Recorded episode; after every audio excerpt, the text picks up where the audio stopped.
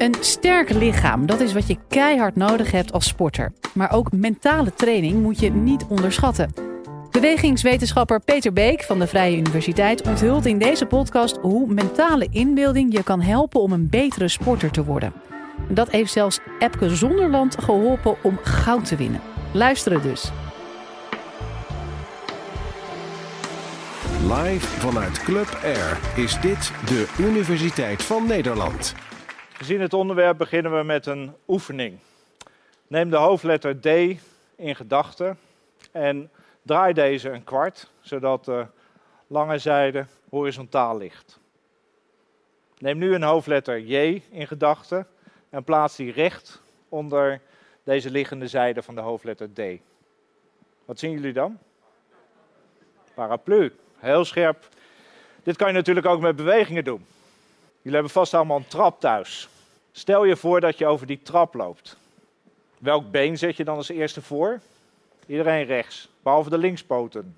Met welk been eindig je op die trap? Stel je nu voor hoe het zou zijn om die trap op te lopen en iedere keer een trede over te slaan. Hoe zou je dan lopen? De mentale voorstelling heeft een behoorlijk grote kracht. Ook als het gaat om, om sport, om heel veel zaken. Ik heb deze colleges uiteraard voorbereid. Uh, mentaal, rehearsal. Sporters doen dat ook. Er is een heel mooi voorbeeld van uh, Epke Zonderland, die uh, zich voorbereidt op de Olympische Spelen in Londen 2012. En op de beelden zie je Epke zich mentaal voorbereiden. Hij maakt hele kleine bewegingen, dus het is niet 100% me mentaal. Het zijn een soort bewegingen met de rem erop, zou je kunnen zeggen. Kleine bewegingen met zijn mond, kleine bewegingen uh, met zijn lijf. Uh, hij gaat daar helemaal in op. Hij doet eigenlijk al echt wat hij momenten daarna echt gaat doen. Uh, het arousalniveau stijgt. En als je dat nu legt naast die daadwerkelijke uitvoering, en dat is iets wat een collega van mij in Groningen gedaan heeft, gekeken hoe de timing van die bewegingjes met de rem erop samenhangt met de werkelijke uitvoering, dan zie je eigenlijk dat dat één op één in real time matcht. dus dat laat ook zien hoe reëel, hoe realistisch moet ik zeggen, die mentale voorstelling is op dat moment. En hoe dicht bij de daadwerkelijke voorstelling die mentale voorstelling ook ligt, de daadwerkelijke uitvoering. dus die dingen liggen heel erg dicht bij elkaar. Er zijn allerhande voorbeelden van het belang van die mentale voorstelling uh, in de sport. Ik heb er een paar uitgelicht. Een bekend voorbeeld is ook van Jack Nicklaus, uh, een bekende golfer alweer. Uh, er is een heel mooi citaat van hem. Het komt er in feite op neer dat hij geen slag aflevert zonder die mentale voorstelling gemaakt te hebben.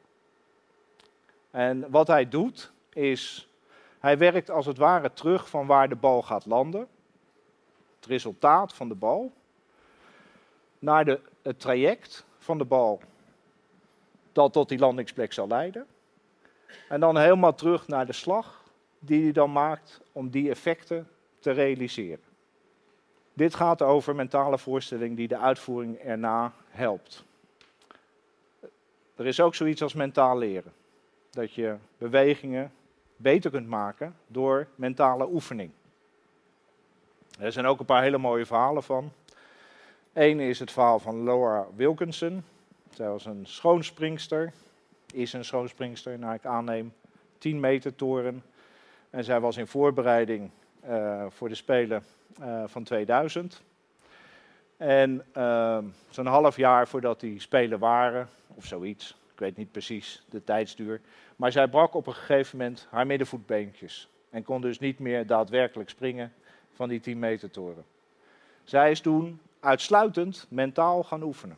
Geen fysieke oefening, maar zich volledig concentreren op de bewegingen die ze dan maakt van die 10 meter toren. Twee weken voordat de Spelen waren, was het voldoende hersteld om nog eens een keer te springen. En ze heeft op die Spelen goud gewonnen. Dat kan niet als die mentale oefening niks zou voorstellen. Er is er nog een verhaal uh, dat nog een graad indrukwekkender is wat mij betreft. Er is een, uh, een major, major James Nesmet, uit het Amerikaanse leger, die een heel middelmatig average heeft uh, op een 18-link golfcourse. Iets van uh, 94 slagen. en hij wil graag beter worden op die golfcourse. Zijn geliefde golfcourse. Alleen hij wordt uitgezonden naar Vietnam. En daar wordt hij als krijgsgevangene opgesloten. In een, uh, een, hele benarde situatie voor een hele lange tijd. Zeven jaar zit hij daar. En wat hij gaat doen, verstoken van Club Green Tea, is die golfcourse dagelijks voor de geest halen. En hij bedenkt er ook alles bij.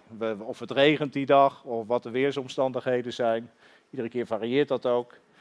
Uh, en hij doorloopt dan mentaal die golfcourse, die 18 holes die hij zo goed kent. En bedenkt wat hij dan gaat doen en hoe het gaat, uh, enzovoort, enzovoort. Zeven jaar lang, vier uur per dag. Dan komt hij vrij en kan hij eindelijk een keer dan gaan spelen. En hij rondt het geheel af in 74 slagen. Dat is de kracht van die mentale voorstelling. En uh, ja, de, je leest wel eens wat over uh, de relatie tussen sportpsychologen en, en de sportpraktijk. Uh, nou ja, dat is ver verwijderd van wat ik hier net naar voren haalde. Er zijn in de wetenschap allerhande studies gedaan waarin de effecten van mentaal oefenen vergeleken worden met die van fysiek oefenen. En wat daar eigenlijk steeds uitkomt, is dat mentaal oefenen bijna zo goed is als fysiek oefenen. Het benadert het. Fysiek oefenen heeft natuurlijk een aantal effecten wat mentaal oefenen niet heeft. Zoals de zintuigelijke gewaarwordingen die ontstaan als je die beweging daadwerkelijk maakt. Dus het is niet verwonderlijk dat mentaal oefenen toch een component een beetje mist. Maar het is wel opmerkelijk dat het zo dicht die fysieke oefening nadert qua effectiviteit. En het is ook nog eens zo dat als je fysiek oefenen alleen neemt en je vergelijkt het met fysiek en mentaal oefenen samen, dat je in die combinatie hoger uit kan komen dan met fysiek oefenen alleen. dus het is niet alleen complementair, niet alleen iets wat je kan doen als je geblesseerd bent, maar het kan ook nog een versterkend effect hebben. Er is een interessante studie van Alvaro Pasqualeone uit uh, de narowetenschappen. En die is ook gaan kijken naar wat er dan gebeurt in het brein als je fysiek oefenen vergelijkt met mentaal oefenen in twee groepen. Uh, ja, en dat is een beetje in de vroege jaren van de, van de imaging technieken. Dus de bewegingenreeksen die men toen bestudeerde, die waren allemaal uh, relatief simpel. Maar zoiets is ook gedaan in die studie. Het was een keyboard waarbij de duim de C aansloeg, de wijsvinger de D, E, F, G en dan weer terug naar de wijsvinger. Zo'n loopje op een keyboard. En dat werd dus geoefend door één groep, werd het daadwerkelijk geoefend. En een andere groep die mocht wel voor het keyboard zitten, maar er niet op spelen. En uh, via een EMG-set uh, werd zeker gemaakt uh, dat men ook niet de vingers ging zitten bewegen of iets dergelijks. Uh, en na iedere, men oefende dat vijf dagen lang, twee uur per dag. Best heel lang voor zo'n taak, maar oké. Okay. en op het einde van iedere dag werd gemeten hoe de prestatie zich had ontwikkeld. In termen van sequentiefouten en nog een aantal andere dingen waar ik jullie niet mee zal lastigvallen. En in termen van de activiteit in de primaire schorsgebieden die bij het buigen en strekken van die vingertjes zijn betrokken. Zowel in de mentale oefengroep als in de fysiek oefengroep. En je ziet daar dat, dat die fysieke oefengroep dus ook uh, ja, over die vijf dagen heen op het minste aantal sequentiefouten uitkomt. Uh, daar vlak boven zit het resultaat voor de mentaal oefengroep. En je ziet, die maken wat meer fouten. Maar grappig is die overgang van 5 naar 5. Want het blijkt dat als je die mentaal oefengroep nog één dag fysiek laat oefenen, na hun mentale training, dat ze het dan net zo goed doen als die fysiek oefengroep. Nou, dat is al een opmerkelijk resultaat. Als je nu gaat kijken naar wat er in uh, de projectiegebieden, zeg maar de motor output maps, zoals men dat noemt, in de primaire motorische schors, die betrokken zijn bij die vingerbewegingen, zie je meer en meer activiteit in die motor output voor de vingerbuigers en de vingerstrekkers. Zie je de ontwikkeling daarvan voor het fysiek oefenen. Je ziet dat projectiegebied dat groeit. Hoe dat verloopt voor het mentaal oefenen. Nou, daar zie je in feite hetzelfde. Hè, dat dat mentaal oefenen niet veel onderdoet voor dat fysiek oefenen. Dan moeten we even op ons in laten werken. Hè, want dat betekent nog wat. We kijken naar de motor output maps in die primaire sourcegebieden die dus op een heel vergelijkbare manier geactiveerd worden bij dat mentaal oefenen als bij het fysiek oefenen. dus we zien ook in het brein zelf sterke grond dat dat mentaal oefenen ook echt die leereffecten kan genereren. En dezelfde nieuwe schakelingen en dat soort dingen kan maken tussen die neuronen. Het is alleen het verschil dat je dan nog even daadwerkelijk die output geeft. Uh, maar met die mentale oefening heb je dat dus wel degelijk uh, geleerd, zou je kunnen zeggen. Dus dat, is, uh, ja, dat maakt dat mentaal oefenen, ik had er net al een verwijzing naar, echt intrinsiek belangrijk. dus de taak van de sportpsycholoog is dus ook heel nadrukkelijk ruimer dan het leren omspringen met mentale stress. Heel erg belangrijk. Het verhogen van het doorzettingsvermogen, ook heel erg belangrijk. Maar die sportpsycholoog die kan dus ook een rol spelen bij het zodanig inrichten van mentale voorstellingsprocessen dat zowel de prestatie als het leren daarmee geholpen is. dus die taak van die sportpsycholoog is denk ik veel ruimer als die vaak gezien wordt. Het mentale en de fysieke, zou je kunnen zeggen, van het bewegen, ja, zijn in zekere zin twee kanten van dezelfde medaille.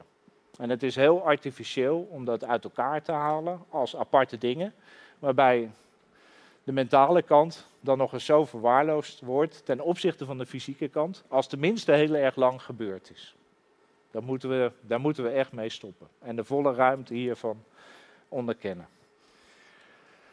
Ik hoop dat wat jullie vandaag hebben gehoord over bewegen, tenminste ertoe geleid hebben dat jullie het met me eens zijn dat bewegen een heel boeiend en interessant onderwerp is. Dat niet alleen allerlei interessante theoretische inzichten geeft, maar ook veel dingen waar je daar in de sport en de beweegpraktijk in ruime zin veel aan hebt.